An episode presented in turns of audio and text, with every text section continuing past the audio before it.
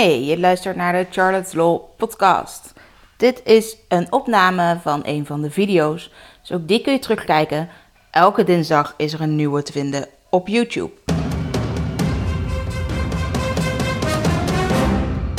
Charlotte, de privacyjurist van Nederland. Nou, ik ben natuurlijk al druk bezig geweest met de AVG. En misschien heb je nog steeds wel vragen over hoe je nou met persoonsgegevens om moet gaan en wat er nou wel en niet mag. Wat dan heel belangrijk is om vooral te weten wanneer er überhaupt sprake is van persoonsgegevens. Daar zijn nogal wat misverstanden over en die wil ik vandaag even uit de lucht helpen. Een persoonsgegeven is eigenlijk alle informatie die een persoon identificeert of kan identificeren. Nou, een naam, zoals een voor- en achternaam, dat identificeert natuurlijk gewoon al een persoon. Een portret, als je daarvan weet uh, wie dat is en je dat meteen kunt zien, dan kun je daarmee dus een persoon ook identificeren. Zo kan het ook zijn dat bijvoorbeeld een telefoonnummer of een adres of alle informatie waarmee je uiteindelijk zou kunnen weten bij wie dat hoort, dat zijn persoonsgegevens. Zelfs een IP-adres wordt een persoonsgegeven gevonden door de autoriteit persoonsgegevens. Is dat IP-adres eigenlijk een beetje lastig, omdat dat eigenlijk nooit naar één persoon herleidbaar is, maar meer naar een groepje personen. Nou, toch vindt de autoriteit persoonsgegevens dat het dan gaat om een persoonsgegeven.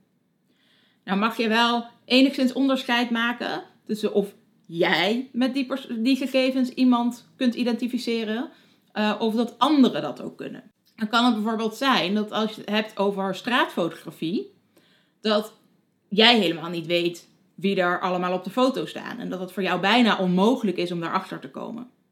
Dan is het voor jou, zijn, geen persoonsgegevens. Maar voor de mensen die wel de personen op die foto herkennen, uh, zijn het dan eigenlijk wel persoonsgegevens. Kortom, het hangt een beetje van de situatie af. Maar ga er even vanuit dat alles waarbij je denkt van, oh, dit kan tot een persoon herleidbaar zijn, met deze gegevens kan ik erachter komen van bij wie dat hoort of van wie dat is of hè, wie deze persoon is, dan zijn het persoonsgegevens. Daarnaast hebben we nog bijzondere persoonsgegevens. Dat zijn persoonsgegevens die je eigenlijk ook niet mag verwerken, tenzij je gebruik kunt maken van een uitzondering. Een van de belangrijkste uitzonderingen is dan bijvoorbeeld toestemming.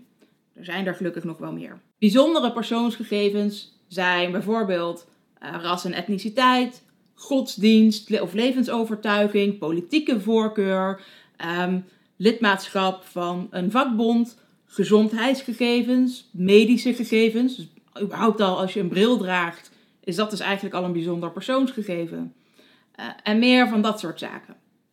En die gegevens mag je dus niet verwerken tenzij je gebruik kunt maken van een uitzondering. Nou, dat met portretten is dat soms dus al wel lastig, maar daar heb ik eerder al een keer een video over gemaakt. Daarin leg ik meer uit waarom je heel vaak portretten toch wel mag maken en ook mag gebruiken. Bij bijzondere persoonsgegevens moet je er dus vooral rekening mee houden dat je die niet zomaar gaat opvragen bij mensen. Nou, natuurlijk, als je mensen bijvoorbeeld een nieuwsbrief wil sturen of op een andere manier aan je wil binden, wil je soms heel graag heel veel informatie van ze hebben. En dan kun je beter targeten bijvoorbeeld in je marketing.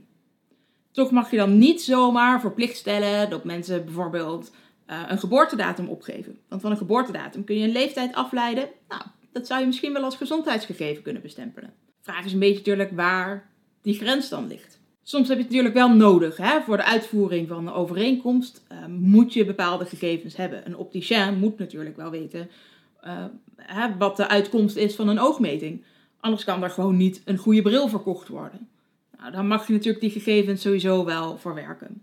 Nou, heb je nou nog meer vragen over wat een persoonsgegeven kan zijn en wanneer je die nou wel of niet mag verwerken? Klik dan vooral even door naar onze website, daar leggen we er al meer over uit. En anders mag je gerust een e-mail sturen of ons bellen. Dan maken we gewoon een afspraak om er meer over uit te leggen.